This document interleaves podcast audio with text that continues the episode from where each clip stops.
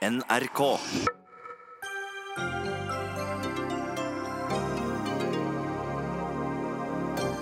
Mye kan stå på spill for president Donald Trump under dagens mellomvalg i USA. Selv om han ikke selv velges, så kan partiet hans miste flertall i Representantenes hus, og demokratene kan dermed gjøre livet hans vanskeligere.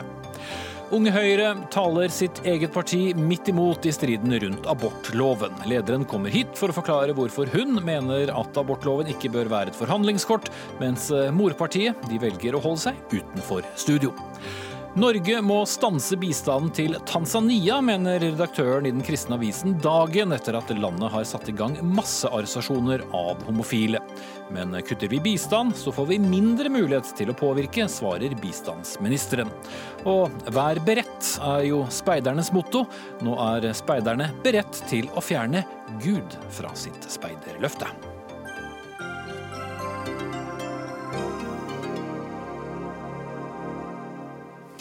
Da sier vi god kveld og velkommen til Dagsnytt 18 med Espen Aas i eh, studio. Ja, mye står på spill for president eh, Donald Trump og ikke minst hans republikanske parti, parti det mellomvalget i USA er i gang. Dersom demokratene vinner flertall i Representantenes hus, får de muligheten til å blokkere mye av Trumps politikk, iallfall prøve så godt de kan, og også sette i gang granskninger av presidenten. Og Janne Myrdal, du er eh, senator for det republikanske partiet i eh, Nord-Dakota, distrikt 10. Eh, du er da mellom, du er da lokalpolitiker og er ikke en del av valget sånn sett. Men hvilke saker mener du har vært det viktigste i, i dette valget?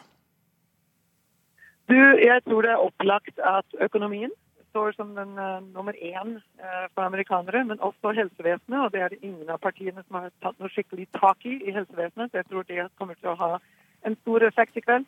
Men én uh, ting av det er immigrasjon, altså innvandrersystemet, som presidenten står veldig sterkt på, og jeg er faktisk enig med han inn.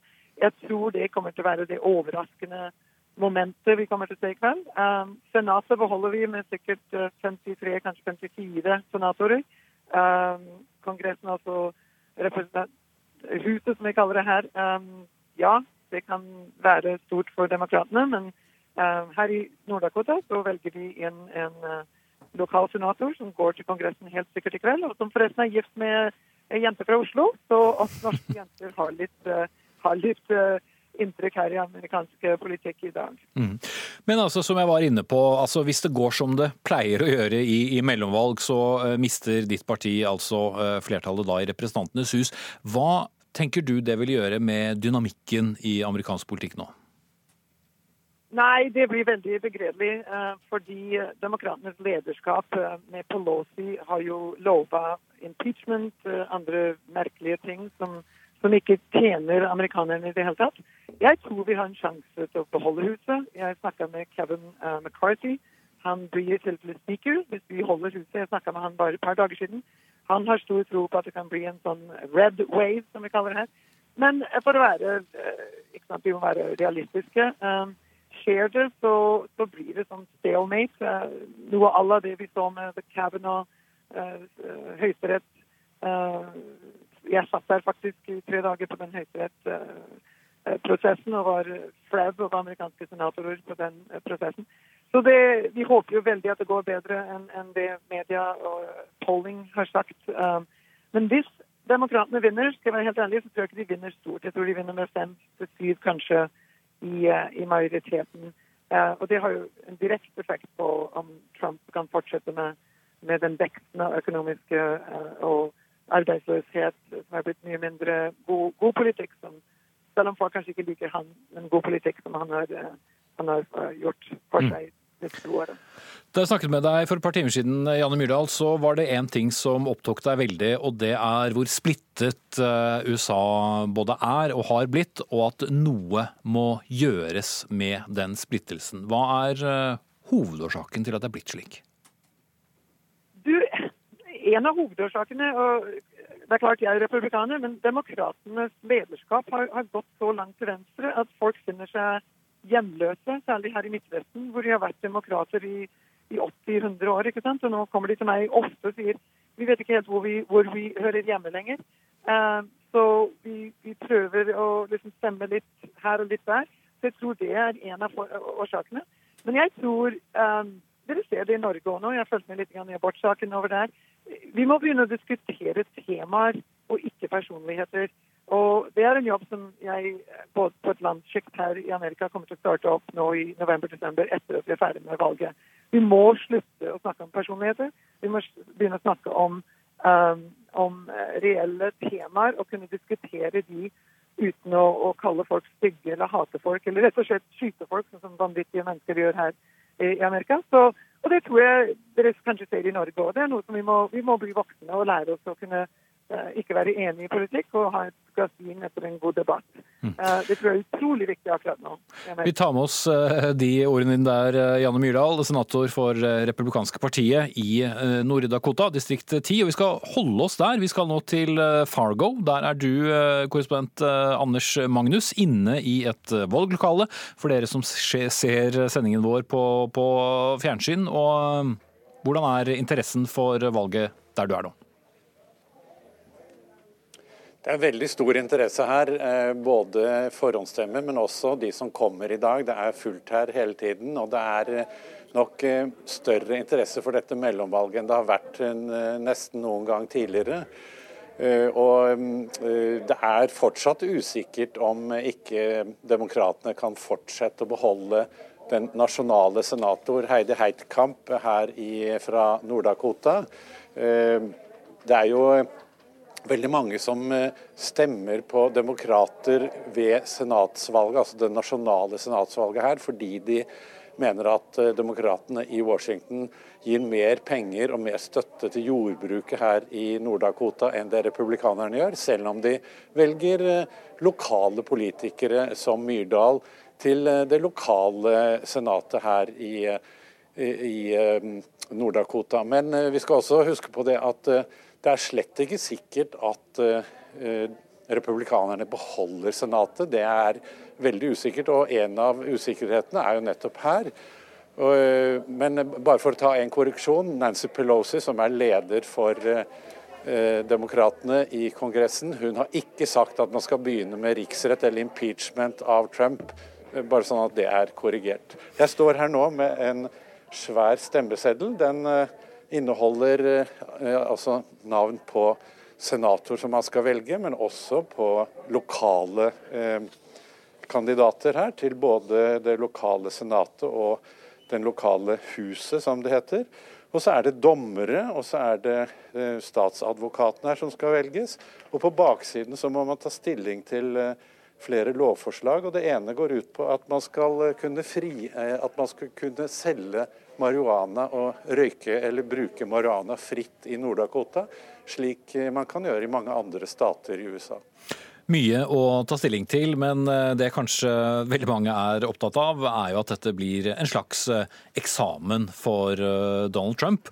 I hvert fall hos velgerne, å få en slags måling av hvordan han ligger an med, med politikken.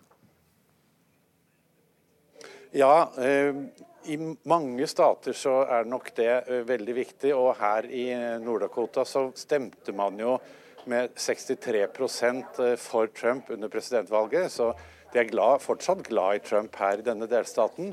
Så spørs det da om de ser seg mer tjent med å beholde den senatoren som de har fra demokratene. Vi skal huske på at hun er veldig konservativ. Altså Hadde vi brukt en norsk politisk skala å legge på valget her, så ville den ene kandidaten fra Demokratene ligget på høyresiden i Fremskrittspartiet. Og den andre kandidaten fra republikanerne, Kevin Kramer, han ville ligget langt, langt utenfor norsk politisk spektrum i det hele tatt. Så det er, veldig, det er kamp mellom to svært konservative kandidater her fra Nord-Dakota. Du følger valgkampen eh, for oss, eh, Anders Magnus. Vi skal til studio her nå. Utenriksmedarbeider Gro Holm, også tidligere korrespondent eh, i USA. Ja, hva kan vi si om hvilken vei dette går? Altså, Meningsmålingene i det siste har eh, vært ganske, ganske klare. Det, gir eh, et republikansk flertall i Senatet. Og akkurat med, når det gjelder Nord-Dakota, så leder jo den republikanske kandidaten har gjort med rundt regna 10% og litt mer, gjerne, eh, på Heidi Heitkamp. Så, så, det er lite sannsynlig at de får beholde den demokratiske senatsplassen. Når det gjelder Representantenes hus, så regner jo da eh, dette nettstedet 538 bl.a. med at det er 85% sjanse for at, eh, at demokratene nå overtar kontrollen der. Og det er ganske stor enighet om det også blant eh, de som driver med meningsmålinger. Så, så da får du altså en eh, splittet kongress. Eh, og med de problemene som, som, følger med det. Ingen får igjennom sine hjertesaker, og det blir mye snakk om å hindre eh, hverandre i å gjennomføre politikk. Mm. Jan Arild Snoen, journalist og kommentator i Minerva, du har også skrevet en del om, om dette og sett på meningsmålinger og fulgt eh, tallene. Du er vel også enig, eh, som Gro uh, sier her, at det ligger an til at de nå mister da huset, eller Representantenes hus? Ja, eh, men det er jo også eh, vil være usikkerhet, særlig i et sånt mellomvalg som har, vanligvis har veldig lav valgdeltakelse. I år så ser den ut til å bli betydelig større. og Da er det liksom hvordan det slår ut, og klarer meningsmålingsinstituttene å fange opp det. Eh, så det er usikkerhet. Det skal ikke så veldig mye til at uh, republikanerne holder huset. Det skal litt mer til at uh, demokratene tar senatet. Da må de ha stang inn overalt. Men stang inn overalt, det var det Donald Trump hadde i 2016, som jo tapte med over 2 uh, på landsbasis, men likevel vant. Så det er, det er ikke i boks for noen av dem. Mm. Det er det en gang sånn at Mye av mediedekningen eh, de siste to årene har jo handlet utelukkende ikke utelukkende, men veldig mye i hvert fall om hva presidenten tvitrer, hva han sier. Men hvis vi ser på selve politikken som føres uh, i eh, USA, hva står på spill? Altså, hva er de viktigste sakene for det republikanske partiet? Ja, altså det har jo vært viktig for Trump å få igjennom en skattereform, og det har han klart. Og Så viser det seg da eh, at det eh, mange av velgerne svarer at det er mindre viktig eh, for mange av dem, også en del republikanere, ganske mange republikanere, enn å beholde eh, helseforsikringsreformen, altså Obamacare, da, som det het. Det var jo også noe Trump-administrasjonen forsøkte å få omstøtt og få omgjort. Eh, de har omgjort litt grann av det. altså Det er ikke lenger eh, forbundet med bøter å ikke kjøpe helseforsikring kvalitetssikring. Eh, men, men hovedinnholdet står fast, og det er det også mange republikanere som er, eh, er for så vidt fornøyd med. Så har det vært selvfølgelig veldig viktig for Trump dette med eh, omstøte handelsavtaler, for reforhandlet handelsavtaler, trekke seg fra klimaavtalen, trekke seg fra atomavtalen med Iran. Det har, det har jo det, Der har jo Trump kunnet gjøre det, og gjort det, og holdt løftene. Eh, og også strammet til når det gjelder innvandring. Eh, riktignok med en del motstand fra domstoler og, og sånn, men, eh, men, det har skjedd en tilstramning. Mm. Ja, Snoden, altså Hvis vi skal se på fotfolket, som jo er de som avgjør dette, mm. og som valgte Trump for sine grunner, har han innfridd overfor den vanlige amerikaner? De bryr seg vel kanskje i mindre grad om de utenrikspolitiske sakene hans? Ja, altså Den jevne republikaner som stemte på Trump fordi han var, den, eh, var en republikaners kandidat, de er veldig opptatt av ting som Høyesterett og også mange av dem av, skattereform og sånne ting. Så han har jo levert på Høyesterett. Han har levert to konservative dommere, som for så vidt enhver eh, president ville ha levert. Men mange av dem føler at han har levert, og at de derfor eh, at de nå også kan stemme på republikanerne. Og de sier også, som vi har hørt her, de er fornøyd med økonomien, selv om det er ikke store endringer fra Obamas eh, siste år. Men det som Trump særlig kjører på nå, har kjørt på i valgkampinnspurten, han har vært veldig aktiv selv også, eh, det er innvandringsspørsmålet eh, og skremsler rundt dette. Ja, Det har vært ganske sterke ord i en del av, av talene. Vil det virke? Altså, dette er, Han skal ha ut eh, kjernevelgerne. På den annen side så er jo flertallet i USA er imot veldig mye av det som, som Trump mener på innvandringsområdet, så han kan også mobilisere litt på den andre siden. da.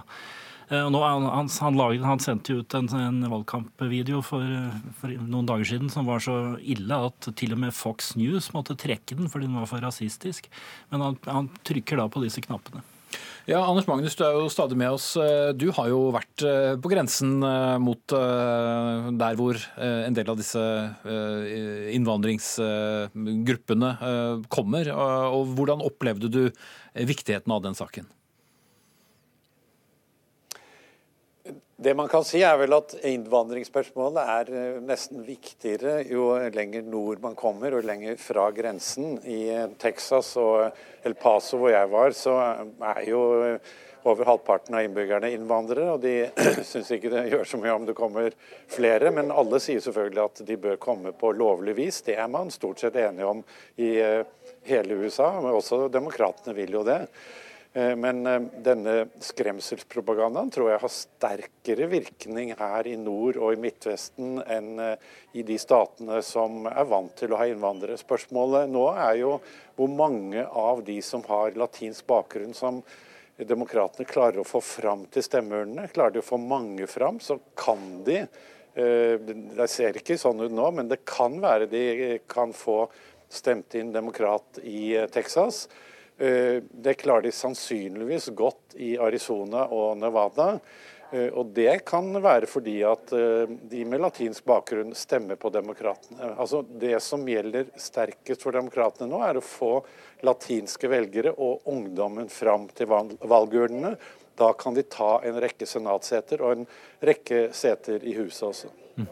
Eh, Gro Holm, vi skal snakke litt om den dynamikken som da endres med en gang eh, republikanerne mister da eh, flertallet, hvis det da skjer i, i, i Representantenes hus. Hvordan vil Trump eh, merke det? Han eh, vil jo merke det på at, på at demokratene vil forsøke å hindre han i å gjennomføre ting. Eh, for det første gjennom budsjettprosessen.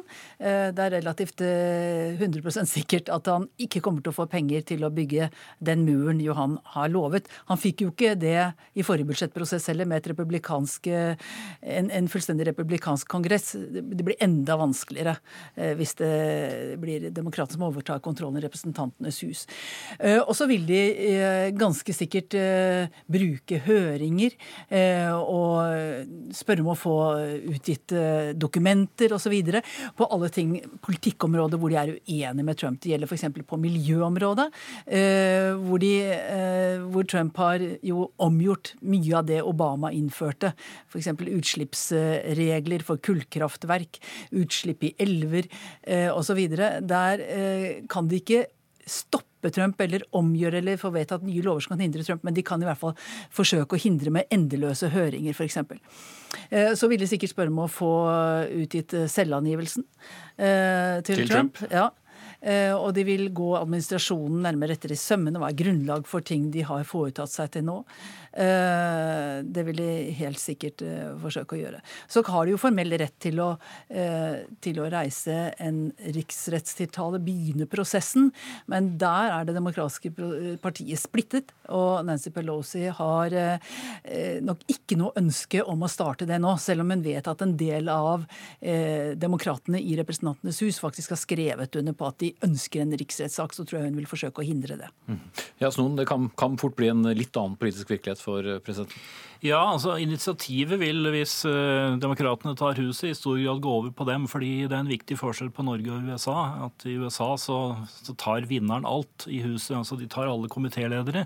Og det er komitélederne som bestemmer hvilke saker som skal opp. Så republikanere får ikke engang behandlet forslagene sine uh, hvis demokratene får kontroll her.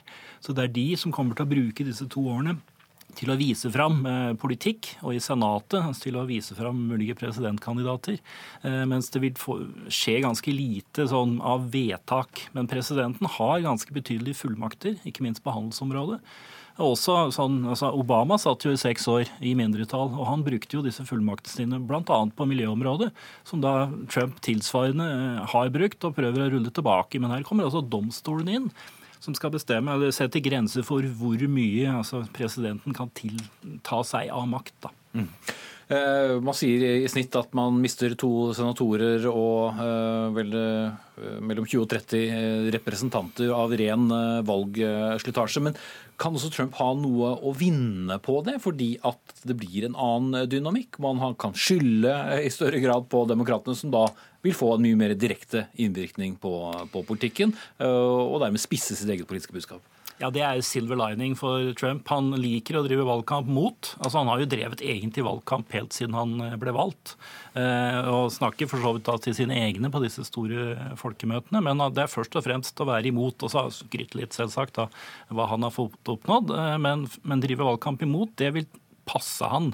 Eh, men jeg tror nok også Trump vil foretrekke å vinne. Altså, det er jo problemet hans nå, fordi han er en winner. Det er det han eh, har solgt seg inn på, at han er en winner. Så han må da distansere seg, og han har allerede begynt å distansere seg fra et mulig tap i huset. Han kan jo bruke det i 2020, uh, i, en, i, presidentvalgkampen, da at han har ikke fått gjennomført det han ønsket, fordi han har blitt motarbeidet av demokratene i Representantenes hus. For, for, hva det er verdt. Jeg tror ikke det, det, kommer ikke til å avgjøre noe valg i 2020. Men, men han kommer til å bruke det. Mm. Eh, Anders Magnus i Fargo i Nord-Dakota. Det er jo mange stemmer, som vi vet, og mange stater. Når kan vi begynne å få noe som ligner på et slags bilde av de nye realitetene for USA?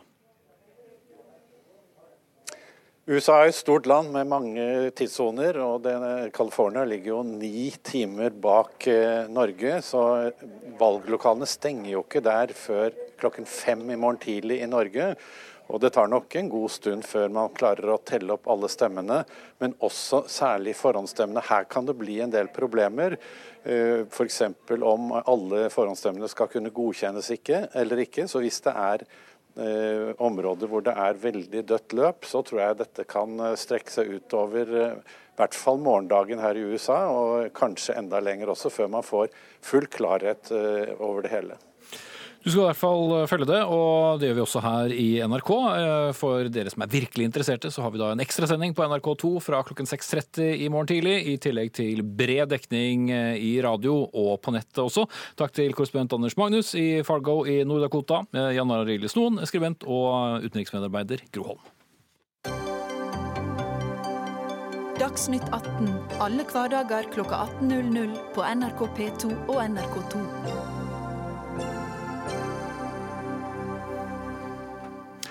I den grad eh, noen ikke skulle ha fått det med seg, det foregår en viss debatt rundt en fremtidig abortlov eh, i Norge, etter at det ble klart at flertallet i Kristelig Folkeparti ønsker å gå i forhandlinger med dagens regjering. Men eh, ikke alle er så begeistret over løftene som har kommet om å diskutere abortloven, og en av dem er deg, Sandra Bruflot, leder av Unge Høyre. I en kronikk i VG i dag så skriver du at du trodde vi var ferdig med å forhandle denne abortloven. Men som vi vet, så kan i hvert fall de siste ukene tyde på noe annet. Er du skuffet over din egen statsminister? Jeg er skuffet over at Høyre legger abortloven på forhandlingsbordet. Jeg trodde at vi var ferdig med det, og jeg syns jo at det er litt ekstra spesielt når vi veit at det bare er KrF som er for en sånn endring. Fordi da kan man ikke se for seg en situasjon der de først kommer til Høyre, får nei, og så går til venstresiden for å forhandle om det samme. fordi der er det ingenting å gi, og det er jeg veldig sikker på. Eh, så sånn sett så syns jeg det er veldig merkelig. Jeg trodde vi var ferdig med det, og det er ikke Høyres politikk. Så da det, mener jeg det er lov å bli litt skuffa. Vi spurte jo morpartiet ditt om de, noen ville komme her og møte deg til debatt. Det var du åpen for. Eh, der fikk vi et ganske klart eh, nei. Er det en veldig vanskelig sak for partiet ditt?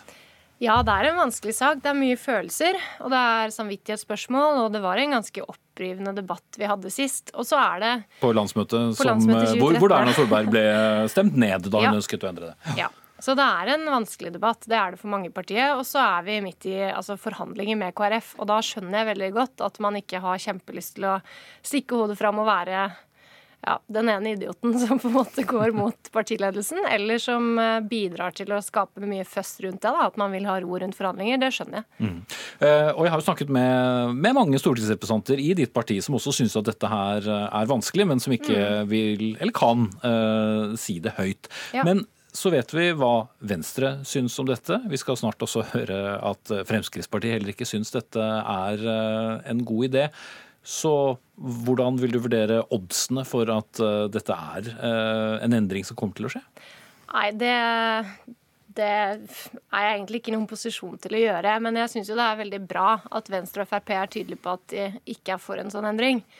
Uh, men noen odds vil jeg ikke spekulere i. Men jeg syns jo det er Jeg håper ikke at det blir noen endring i den. Og jeg forstår heller ikke helt hvorfor man eh, sier at vi skal endre ordlyden, men ikke praksis. Fordi jeg kan ikke helt se for meg hvordan det skal foregå. Og så hørte vi også i går at eh, Kjell Ingolf Ropstad ønsker at dette skal få en betydning. Ja, altså i, i form av færre, færre aborter. aborter. og flere som får nei fra nemnd. Og vi, hørte, eller vi så også en overlege som uttalte seg til NRK med at dette vil føre til flere nei i nemnden. Nå skal det sies da at Erna har lagt ut en status på Facebook i dag. Jeg sitter med ja, den her, faktisk. Bra. hvor hun da sier for så vidt eh, mange ting. Hun skriver mm. bl.a.: eh, når det gis inntrykk av at Høyre vil gjøre det vanskeligere å få abort og truer kvinnens rettigheter, så blir, det, mange, så blir mange naturlig nok opprørt. Men slik er det ikke. Jeg er villig til å diskutere hvordan vi kan drøfte etiske problemstillinger i møte med den teknologiske og medisinske utviklingen. Ja. Hva betyr det?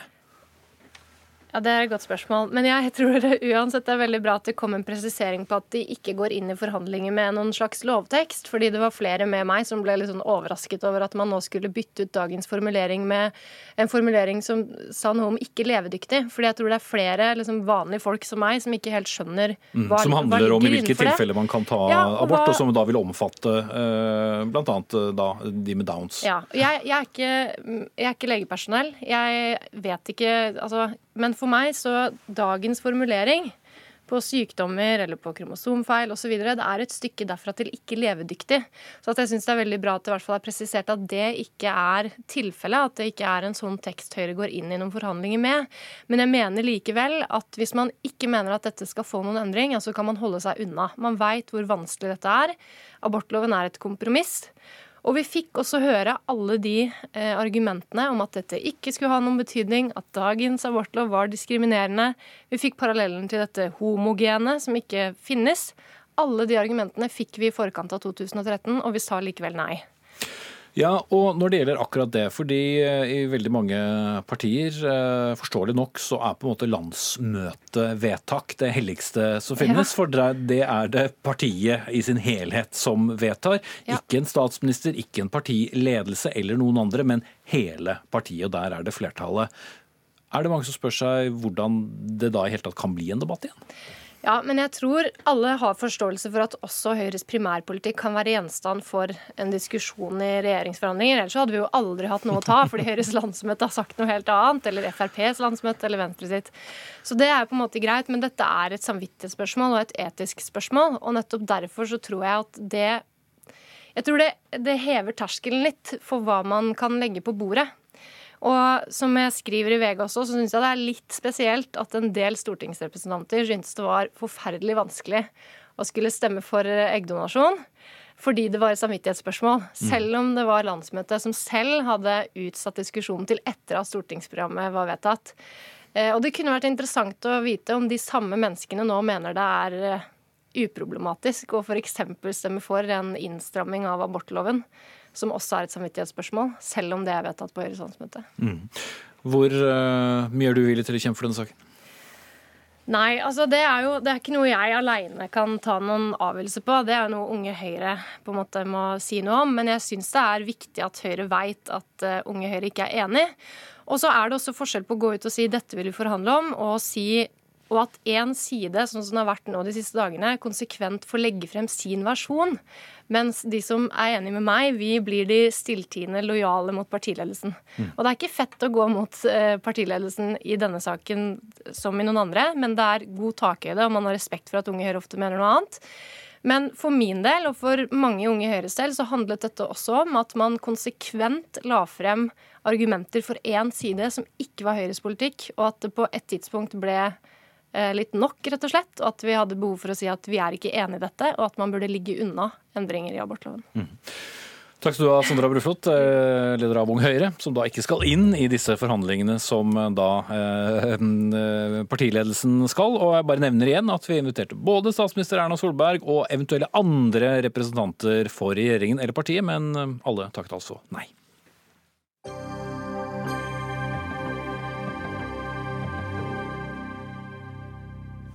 Men eh, vi gir oss ikke helt eh, med dette spørsmålet. For eh, som vi også for så vidt hørte, så er også regjeringspartner Fremskrittspartiet skeptiske til å se på abortloven på nytt. Og Åshild Brun-Gundersen, du er helsepolitisk talsperson for Fremskrittspartiet. Slik du vurderer det nå, før forhandlingene for all del, er det noen stor sjanse for KrF for å få gjennomslag her? Nei. Det tror jeg ikke det er i det hele tatt. Jeg kan ikke se at det er noen andre partier enn KrF på Stortinget som ønsker å innskrenke kvinners rett til selvbestemt abort, eh, eller gjøre endringer i abortloven. Og denne saken kommer til Stortinget, så tror jeg ikke den kommer til å gå gjennom der. Men eh, er det ikke viktig å få til en flertallsregjering, da? Jo, eh, og vi i Fremskrittspartiet ønsker KrF hjertelig velkommen inn i regjeringssamarbeidet og ser frem til de forhandlingene som nå skal starte. Men vi i Fremskrittspartiet har sagt klart og tydelig fra over mange, mange, uker faktisk, og lenge før KrF tok sitt retningsvalg, at abortloven den står fast. Mm. Nestleder i Kristelig Folkeparti, Olaug Bollestad. Det mm, har blitt uh, mye støy rundt dette. Har du noe tro på at man vil se på, og ikke minst endre lovteksten? Det som er hele poenget her. Nå har vi hatt en abortlov i 40 år. Den teknologiske utviklingen som har endra seg veldig. Vi har en bioteknologilov som vi alle er opptatt av skal revideres når teknologien endres. Men når det gjelder abortloven, da skal vi ikke gjøre noen ting. Og For oss så er det utrolig viktig å si at dette her gjelder ikke selvbestemmelsen. Den gjelder fram til uke tolv og i dag. Dette gjelder om norsk lov. Det er jo det det er snakk om. Norsk lov skal diskriminere noen typer barn, sånn at de skal ha et annet rettsvern enn andre barn. Det er jo det det er snakk om. Selvbestemmelsen den ligger fast. Den er fast til uke tolv. Dette er snakk om etter uke tolv. Men målet, som din eh, kollega Ropstad da eh, sa, er vel også å få ned antall aborter? Det, noe, det, handler ikke kun om diskriminering, det må jo være et mål om å få ned Nei, antall aborter? hva? det kan godt være at det kan gå lang tid før vi ser det, tror jeg. Jeg tror ikke dette er et quick fix. Jeg mener at loven den gir holdninger. Holdninger til de som er annerledes. Og hvis vi har en diskriminering i lovverket vårt for unger som er annerledes enn andre barn, da mener jeg det er vårt ansvar å gjøre noe med det, og samtidig kunne sikre at kvinner har den retten de har i dag, at kvinners situasjon blir vurdert sånn som det ligger i, loven i dag. Men spørsmålet er hva syn har vi på annerledeshet, og vil vi som Vil du og meg, som de som er ansvarlige for norsk lov, diskriminere en type eh, barn i vårt lovverk? For det er det vi egentlig gjør. Og Derfor er vi ute etter å fjerne 2C. Og så vet vi at alle alle kvinner som søker abort etter uke tolv, de må i dag innom et nemndsystem. Da, da, vil det òg være sånn at mange kvinner vil si at dette makter ikke jeg, og det vil bli gjeldende. Men for oss er det elementært for synet på annerledeshet etterpå. Da vil det òg gi oss et ansvar etterpå. Hvordan vi vil prioritere koordinatorer, de som velger å bære fram. At det ikke er feil å bære fram. At en faktisk sikrer at de får den hjelpen de trenger. Pleiepenger blir en ordning som gjelder. At de får BPA. Det blir vårt ansvar. Og at ikke kvinner skal oppleve at hvis de velger å bære fram, så er det nesten uansvarlig. Det tenker jeg, det er jo det jeg, vi, vi kjemper for. Ikke at en kan ta et annet valg og velge å abortere, men vi vil legge til rette for et annet samfunn. Har dere ikke forstått saken, Brun Gundersen? Altså, Jeg er helt enig med KrF og Bollestad i at livshjelpen for familier som har valgt å beholde et barn som har alvorlige sykdommer eller sterke funksjonsnedsettelser, at det er en viktig sak for oss. Det gjelder det økonomiske rammeverket, at vi har gode hjelpe- og støtteordninger for familier som er i en vanskelig situasjon. Der kan vi finne masse gode kompromisser. Men når det kommer til det diskrimineringselementet som KrF legger veldig mye vekt på i abortloven, så finnes det andre alternativer eh, enn å fjerne 2C. Sverige f.eks. har jo da valgt å utvide utvide retten til selvbestemt abort til uke 18. Og Da forsvinner også elementet med at barns funksjonshemning og alvorlige sykdommer, ikke lenger er grunnlag for eh, å utvide aborten, men at det er familienes valg selv. Og Det KrF ofte glemmer når de diskuterer disse sakene, er hensynet til familiene. For jeg tror ikke mange tar enkelt på det å gjennomføre abort. Det ligger masse vurderinger og hensyn bak. og Verken jeg eller Vollestad eller andre politikere har mulighet til å sette oss inn i de livssituasjonene disse mm. familiene mm. står i. Før du får ordet, Båse, Folk går ikke rundt og husker den 2C, selv om de kanskje snart kan den utenat. Men altså, det som står der er eh, at eh, i forhold til abort, er at når det er stor fare for at barnet kan få alvorlig sykdom som følge av arvelig anlegg, sykdom eller skadelige påvirkninger under uh, svangerskapet. Men hva, altså du mener det er bedre å fjerne hele paragrafen? Ja, fordi det Er jo snakk om, er det barnet sin egenskap alene som skal være grunnlag for dette? Eller er det om familien eh, faktisk vil ta et annet valg, eller vil ta et valg om å ikke bære fram. Men det er ikke barnet alene som skal være grunnen til at en skal kunne velge. Det må jo være òg at familien føler de ikke er i stand til å gjøre det. Og det valget respekterer jeg. Men at barnets egenskap skal være et i, i lovverket være det som diskriminerer, det, det, tenker KrF, det skaper et syn som jeg tror kan gi en annen holdning. Ikke bare det at du sier at det skal komme abort, mindre, altså færre aborter, men det handler om et syn, det, ja. men det er et annerledes syn på mennesker. Mennesker som er annerledes. Jeg mener de har den samme verdien, og jeg vil legge til rette for at de som velger å bære fram, som får spørsmål du bør teste, du bør gjøre, du bør tenke, for det vet vi at mange får, istedenfor å få et valg. vet du, hvis du velger. Det er ditt valg. Men hvis du velger, så skal vi legge til rette for et samfunn som òg har plass for det. Du tar ikke et feil valg. Det er ikke for dyrt om du velger å bære fram. For det er jo de holdningene vi vil til livs. Mm. Men disse diagnosene er jo ikke kjent i uke 12. Altså Retten til selvbestemt abort gjelder til uke 12. Da har man jo ikke ja, ultralyd før i uke 17 til 19. Man har ikke anledning til å påvise om barn har eh, alvorlige sykdommer. Jeg tror liksom, men, eh, Foreldre som ønsker å få barn, og som gleder seg til å få barn, og som i uke 18-19 får beskjed om at det barnet ditt er alvorlig sykt, det kommer kanskje til å overleve fødsel, men det vil få et kort liv, og det vil være et kort liv med mye smerte.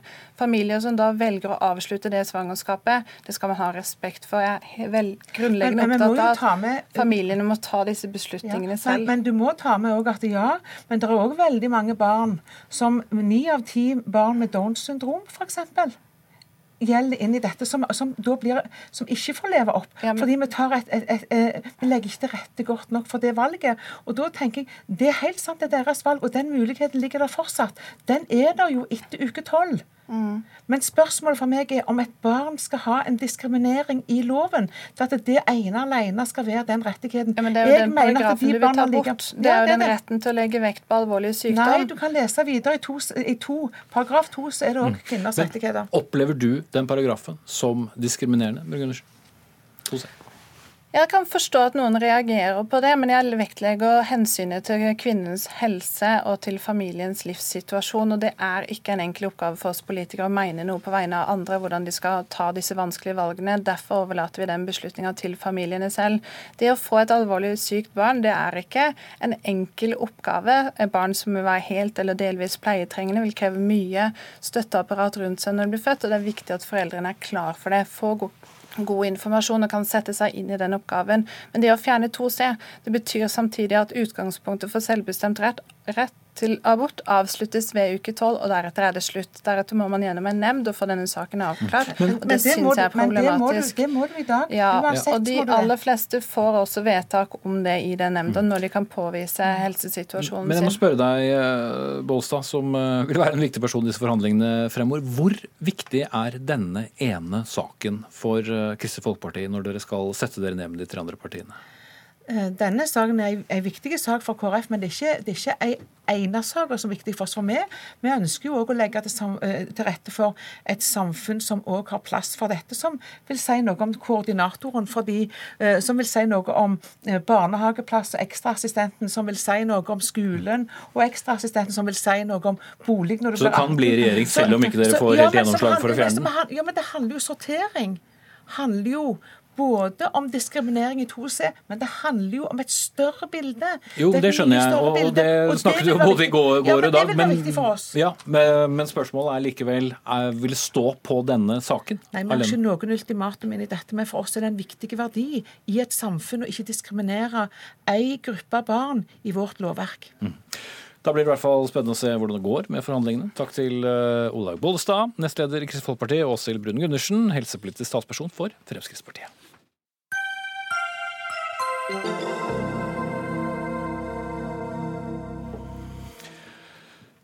eh, blir eh, omtalt som en jaktsesong på homofile. Vi skal til Tanzania, der eh, hus ransakes. Folk oppfordres til å angi personer de mistenker for å være homofile, og guvernøren i Dar es Salaam har faktisk nedsatt en egen gruppe til å tråle sosiale medier for å finne lesbiske, homofile, bifile og transpersoner. Det var guvernør eh, Paul Makonda som eh, startet det mange har da omtalt som en nasjonal jakt på homofile i landet. Et land som for øvrig Norge ga 300 173,7 millioner kroner i bistand i fjor. Vebjørn Selbekk, som er redaktør i eh, den kristne avis Dagen, mener at eh, bistanden bør kuttes. Vi skal høre fra han snart. Men først, for å få et slags bilde av det hele. Tale Hognes, du er leder for politikk og samfunnsavdeling i Amnesty International. Eh, og dere følger denne situasjonen. Hvordan beskriver du det som foregår? Ja, jeg har vært i kontakt med kilder i Dar es Salaam i dag som bekrefter at LHBT-personer er redde. Eh, vi har akkurat også fått inn en melding fra Zanzibar, eh, som er en annen region enn Dar es Salaam, hvor ti menn har blitt arrestert eh, for, altså mistenkt for homoseksuelle handlinger, da, som de sier. Vi frykter at disse mennene vil bli utsatt for tvungen analundersøkelser og pga. mistanken om analsex. Det er en type undersøkelse som kan utarte til tortur, og vi mener da at de må løslates umiddelbart. Mm. Eh, LHBT, som du sier der, da, som for lesbiske, homofile, bifile og transpersoner, hvis noen skulle lure på det.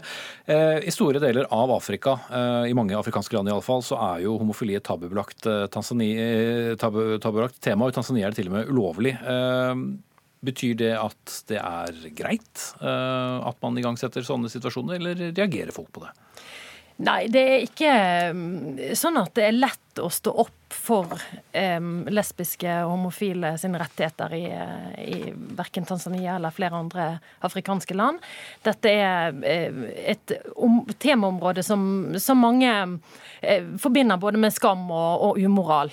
Eh, og Derfor er det jo også sånn at mange Eh, politiske ledere, populistisk orienterte, ser sitt snitt til å slå politisk gevinst eh, ved å nøre opp under hat, vold, nøre opp under eh, fordommer og, og, og aggresjon mot denne gruppen. Mm. Som er veldig utsatt og veldig marginalisert. Du bodde i Tanzania da presidenten i landet ble valgt for tre år siden, 2015. Hvordan har utviklingen gått siden da? Nei, altså Det er dessverre en generell autoritær trend i Tanzania.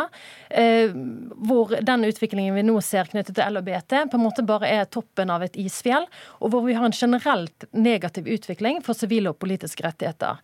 Ytringsfriheten innskrenkes, trykkefriheten innskrenkes, forsamlingsfrihet forsamlingsfriheten innskrenkes, og den generelle rettssikkerheten er truet.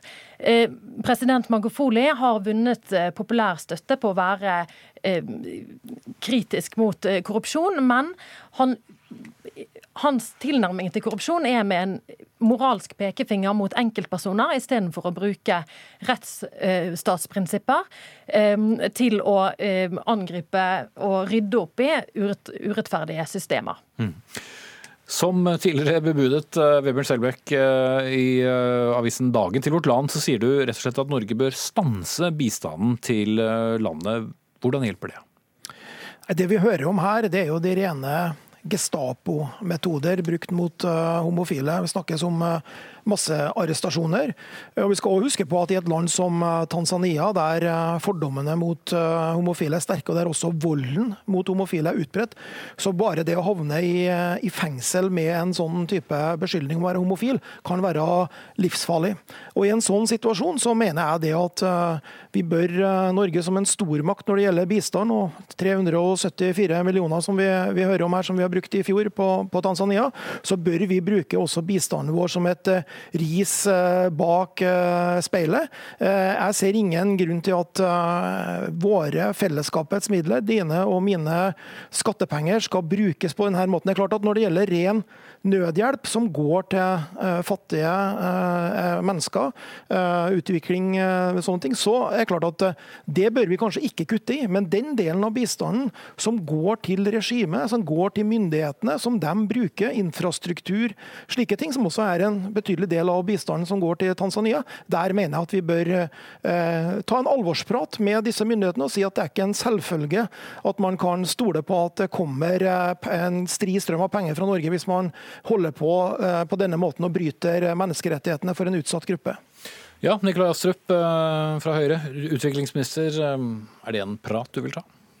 Altså først så synes jeg Det er viktig å slå fast klart og tydelig at det guvernøren i Dar es Salaam har gjort, er helt uakseptabelt. Og Jeg er i og for seg glad for at regjeringen i Tanzania har tatt avstand fra det guvernøren i, i Dar es Salaam sier og gjør.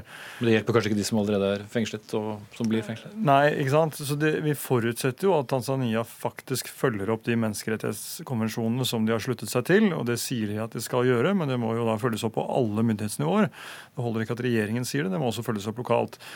Så når det kommer til bistand, så er jo jeg kan du si, mer opptatt av å håndtere saken på en slik måte at vi ivaretar de lesbiske og homofile på en best mulig måte.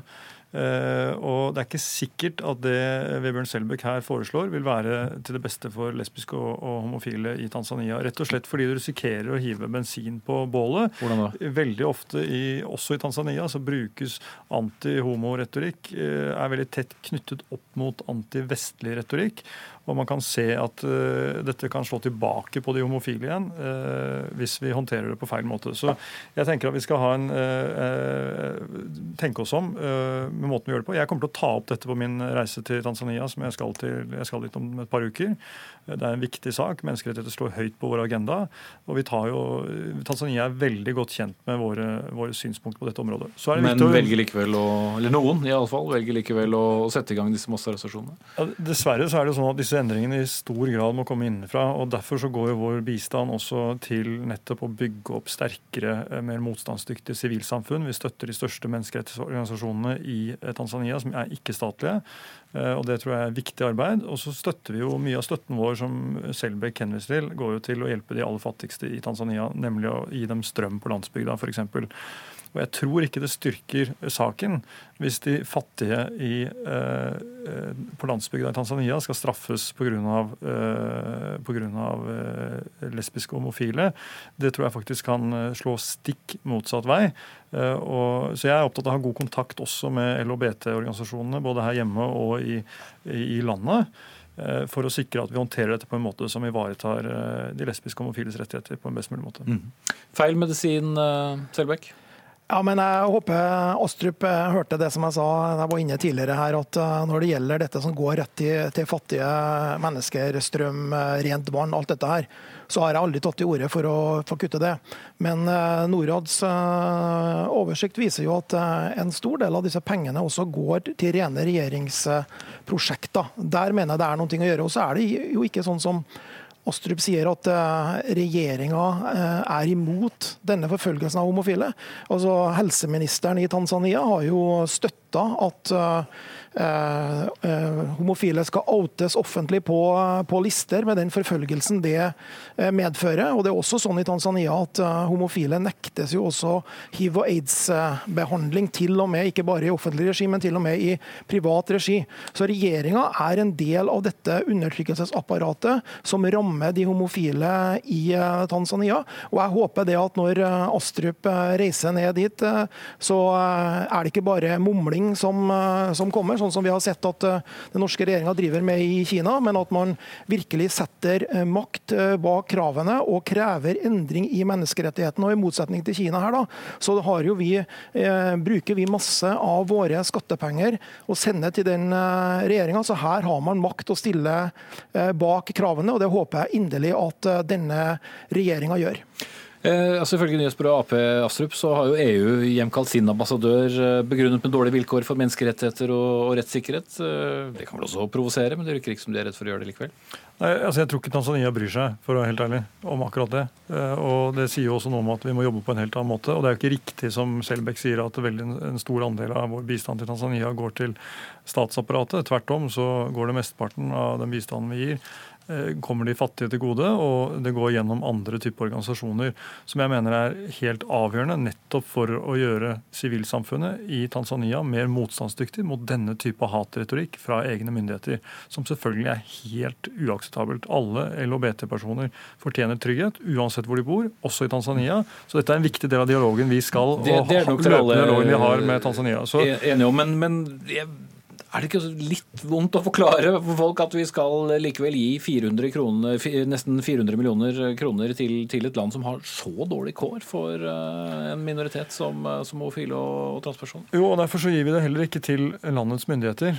Vi jobber gjennom andre organisasjoner, bl.a. ikke-statlige sivilsamfunnsorganisasjoner, for å sørge for at, vi, at hjelpen kommer frem til de som trenger den mest, og at vi styrker menneskerettighetene fra grunnen av og opp. Fordi vi kommer ikke til å styrke menneskerettighetene gjennom å uh, jobbe fra myndighetene og ned. Må, vi må bygge opp sivilsamfunnet. Og, og, revolusjon, da? Og, og, vi må bidra til at flere kommer ut av fattigdom, rett og slett. Det er en utrolig viktig del av, av politikken vår for å kunne bøde, få gjort noe med, med, dette eh, store store problemet som vi ser her. Ja, eh, Hongnes i Amnesty-tiden går her. Altså, burde, burde, Norge gjort mer med å, å legge press via f.eks. bistandspengene, eller, eller, er det riktigere å la det gå fra, fra bunnen opp, som, som man hevder? Altså, Norge er en veldig viktig samtalepartner for Tanzania etter at de to landene har hatt et nært og tett samarbeid over 50 år. Amnesty er imot å kutte bistand eh, på bakgrunn av denne eh, type ting. Vi trenger å holde kanalene for dialog åpne.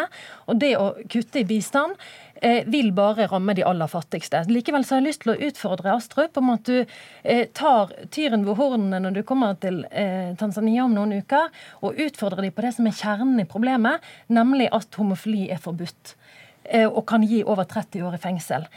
Å elske er en menneskerett, og det bør tanzanianske myndigheter få høre. Astrup. Vi kommer til å ta opp uh, menneskerettssituasjonen og situasjonen for lesbiske og homofile i Tanzania når jeg reiser til, uh, til, landet om et par uker. og Da kommer vi til å gjøre det på en måte som gjør at det budskapet kommer klart og tydelig frem. Og så vil jeg bare si helt til slutt til Selbekk at det, det er helt sikkert sånn at jeg hadde blitt veldig populær i Norge av å kutte all bistand til Tanzania, men jeg er faktisk mer opptatt av at lesbiske og homofile ivaretas i Tanzania, enn hvordan jeg fremstår i norske medier. Vi får eh, høre med deg hvordan det går når du kommer tilbake fra den turen. Takk skal du ha for det, Nikolai Astrup, utviklingsminister. Takk til Vebjørn Selbekk fra Dagen, og også takk til deg, Tale Hognes fra Amnesty International Norge.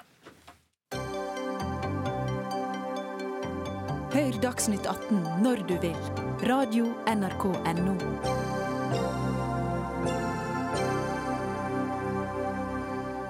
Vær beredt. Det er som kjent eh, speidernes eh, motto, men eh, nå er de også i aller høyeste grad beredt til å være livssynsnøytrale. For Norges Speiderforbund har vedtatt å gjøre om ordlyden i det høytidelige speiderløftet som de avlegger i sin opptak, opptakelsesseremoni. Det som en gang lød 'Jeg lover etter beste evne å være åpen for Gud', hjelpe andre å leve etter speiderloven, blir nå i stedet lydende 'Jeg lover etter etter beste evne å søke mitt livssyn, hjelpe andre å leve etter speiderloven. Og Håvard Djupvik, speidersjef i Norges speiderforbund, du ble nyvalgt sjef for de rundt 19 000 medlemmene nå i, i helgen. Men uh, hvorfor var dette så viktig? Dette er jo resultatet av en lang prosess som uh, hele organisasjonen har ønska seg å få utvida denne innsnevringa til å bare gjelde kristendommen, til å gjelde alle religioner. Vi ønsker jo at flest mulig skal få lov til å være med i, i speiderbevegelsen og få lov til å oppleve det som vi gjør i speideren. Har det vært et stort problem å avgi et sånt løfte om, om, Gud? Nei, det har ikke vært et stort problem, men det er en del eh, som har eh, følt at eh, de ville ha det mer eh, føle seg mer hjemme hvis man fikk lov til å, eh, å velge en mer åpen, en åpen formulering. Da. Så det har vært en, en lang prosess og debatt som vi starta i 2010 og som har resultert i at vi først eh, for eh, to år siden vedtok eh, førstegangsvedtak og nå andregangsvedtak på at vi skulle ha nytt sperreløfte, som, som, sa at man søker sitt livssyn sånn at man kan inkludere flere religioner og flere medlemmer på en bedre måte. da. Det er et langt stykke vei å gå da, fra å gi et uh, troskapsløfte som, uh, som, innbefatter Gud, til å nærmest si noe som høres ut som man ikke skal hensynta noen religion. Ja, og det er jo uh, selvfølgelig mange som er veldig glad for det at vi har gått denne veien. Og så er det mange som føler at man er litt lenger unna å, å holde på den kristne verdigrunnlaget som eh, jo er opprinnelsen. Eh, men eh, Speideren er jo en stor verdensomspennende organisasjon med veldig mange forskjellige medlemmer og, og dekker jo alle religioner i hele verden. Så vi syns at det nye speiderløftet nå treffer bedre et breiere mangfold. da. Mm. Marius eh, du er eh, gruppeleder for Nordberg speidergruppe i Oslo. En veldig lokal gruppe, men eh, tilhører det som heter KFK eller KFUM. Og i den grad noen lurer på det, så for seg altså Kristelig forening for unge menn og, og, unge kvinner. Og dere fastholder da Gud både i speiderlov og i speiderløftet. Er ikke det litt gammeldags? Jo, det kan godt tenkes. Jeg tenker at det er verken så veldig gammeldags eller så veldig nymotens. Eh, jeg tenker det har vært eh, en viktig dimensjon i speiderbevegelsen helt fra starten. Eh, at man vektlegger ansvaret for andre, for naturen. Og hele veien også hatt en, en åndelig dimensjon som henger sammen med disse andre. Og det er den jeg tenker kanskje Speiderforbundet er i ferd med å gi litt slipp på. Jeg Eh, syns Altså, det fins veldig mange ulike forståelser også av hva en tro er, eller hva man legger i, i gudsbegrepet. Uh, men jeg tenker at uh, dette å bruke ordet livssyn, det var kanskje noe av det dårligste man kunne valgt uh, i Speiderforbundet, selv om jeg setter pris på alt det gode arbeidet som, som uh, min kollega her driver med. livssyn smaker av, av, av, livssynspolitikk fra 70- 80-tallet, eller svensk livsåskådningspolitikk, da. da. alt som hadde med religion å gjøre, skulle dempes ned til et livssyn. Ja. Jeg gikk dere til Humanitisk Forbund for inspirasjon? Eh, vi gjorde nok ikke det. Eh, dette er jo en, en, lang og brei eh, prosess som vi har hatt, hvor vi har hatt mange som har vært inne. Og det er klart at vi har også hatt folk fra Human-Etisk Forbund som er speidere, og som har syntes at det har vært begrensende at det skulle være bare kristendom som skulle være godkjent. Og vi ønsker å, å treffe breiere. Og, og de er nå bare én del, de fra Human-Etisk Forbund, de som ønsker den biten. Det er jo mange andre religioner også som har vært eh, mer ekskludert når man har eh, avgrensa seg til å si at det er kristendom som er det eneste riktige. Så vi har, eh, etter en lang prosess hvor mange har fått mene mye, og, og organisasjonen vår har landa eh, på at det er å søke sitt livssyn som er det som eh, treffer best våre medlemmer. Må legge til også, Mjøland, Du er professor i religionsfilosofi ved Universitetet i Oslo, så du har, eh, har med en annen hatt òg, selv om du ikke har den på deg. Men Verken hatt eller skjerf. Nei, verken hatt eller skjerf. Men til sjuende og sist, eh, hvor viktig rolle spiller det religiøse aspektet egentlig inn? Handler det ikke mest om friluftsliv, knuter, knuter tenne bål eh, og samme? Hadde det vært det, så kunne man like gjerne lagt det inn under uh, Norske Turistforeningen uh, og, og, holdt på med arbeidet der. Jeg tenker uh, Speiderbevegelsen har hele veien knyttet, sett på det hele mennesket og nettopp også denne åndelige, gjerne åndelige fellesskapsdimensjonen. Altså Når vi går opp eh, mandag kveld eh, i skogen og setter oss rundt et bål, så eh, synger vi også sanger. En del av de er kristne sanger, helt speidersanger, sekulære sanger. Vi avslutter med speiderbønnen, som er på en måte såpass åpent formulert at den gir rom for alle. Men, men, det er et åndelig fellesskap, altså, som man kan forstå på litt ulike måter. Og jeg vil sterkt avvise at det er en strengt kristen fortolkning av det. Eh, både internasjonalt og i Norge så er det rett og slett eh, rom for men kristelig forening, eh, det du tilhører? Ja, ja, det er en, en dobbel tilhørighet. For, altså, vårt speiderforbund er tilsluttet to svære internasjonale organisasjoner. Det ene er YMCA, YWCA, som er kanskje den største, og med 60 millioner deltakere. Og i tillegg speiderbevegelsen. Så vi kombinerer altså disse to innenfor den type speiderarbeid som de driver. Eh, som er akseptert til grunnen eh, i veldig mange land. Eh, Men var det en ja, skal jeg si, sånn politisk korrekthet, at det var på tide å, å, være helt nøytral. Men spørsmålet er da, hva skiller dere da egentlig fra Turistforeningens ungdomsorganisasjon f.eks.? Altså, det var vel ikke mest at det er politisk korrekthet. Det er vel mer at vi føler at dette treffer både medlemmene våre og befolkninga bedre. Og det er jo ikke et nei til kristendom, dette er jo et ja til alle religioner. Og understreking at alle religioner er, er hjertelig velkommen. Eh, Handler det om å rekruttere flere? Også? Ja, Både å rekruttere og, og, la folk få føle seg hjemme i vår organisasjon. Eh, for det handler jo om, eh, om å utvikle mennesker.